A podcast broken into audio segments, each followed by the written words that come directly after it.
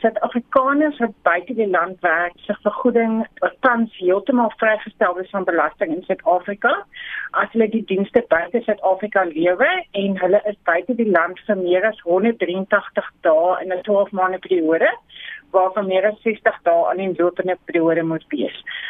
Ongelukkig in 2017 het die tesorie en die Suid-Afrikaanse inkomste diens groot veranderinge in hierdie vrystelling aangekondig met die gevolg dat nou vanaf 1 Maart 2020 hierdie vrystelling beperk is tot 'n miljoen rand.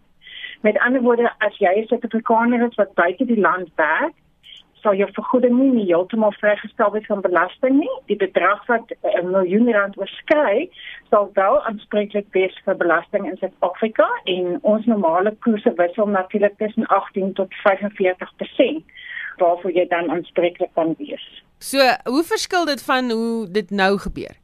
So, dan solank jy voldoen aan die vereistes, met ander woorde dat jy buite die land werk en jy bly buite die land vir die voorgeskrewe periodes, dan betaal jy geen belasting in Suid-Afrika nie. Dit is 'n 100% vrystelling. Daar's absoluut geen belasting op jou vergoeding nie, met ander woorde op jou salaris en al jou byvoordele nie.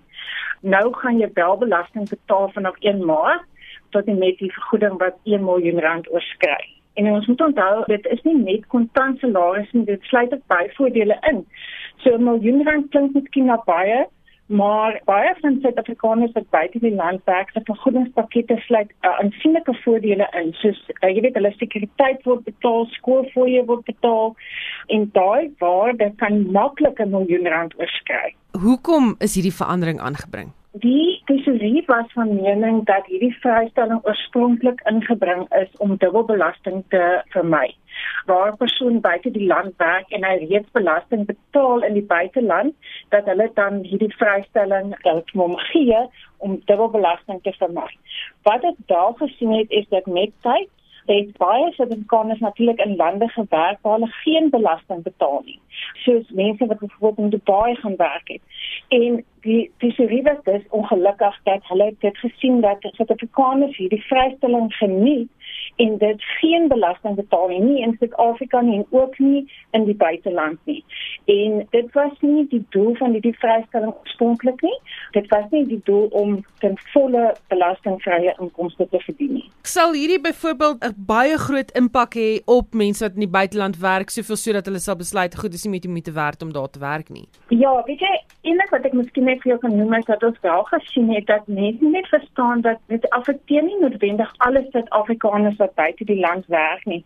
Wat ons wel gesien het die afgelope tyd met kliënte wat ons konsulteer, is dat baie van die Suid-Afrikaners wat buite die land werk, is nie meer belasting inwoners nie.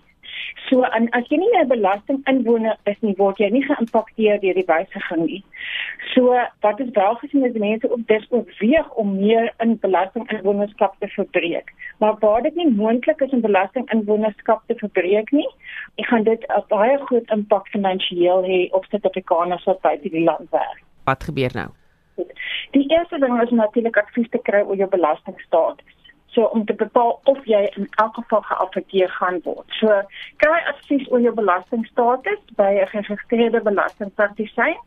As dit dan gevind word dat jy wel nog 'n belastinginwoner is, dan uh, moet ek net daarop wys dat daar natuurlik 'n moontlikheid is om te kyk of jy belastinginwonerskap kan verbreek as dit nie moontlik is nie en jy gaan 'n belastinginwoner bly, moet jy onthou dat as jy vir 'n buitelandse werkgewer werk wat nie belasting weerhou van jou salaris nie, moet jy as 'n voorlopige belastingbetaler registreer want jy gaan nou aanspreeklik word vir daardie belasting in die vorm van voorlopige belastingbetalings iets wat ook in gedagte moet gehou word is wanneer jy in 'n land werk waar daar wel belasting afgetrek word. So dit voorbeeld as jy nou nie in Dubai werk nie, maar jy betaal wel belasting op jou buitelandse vergoeding, dan kan daai buitelandse belasting wel in ag geneem word in Suid-Afrika teen die Suid-Afrikaanse belasting wat afgetrek moet word.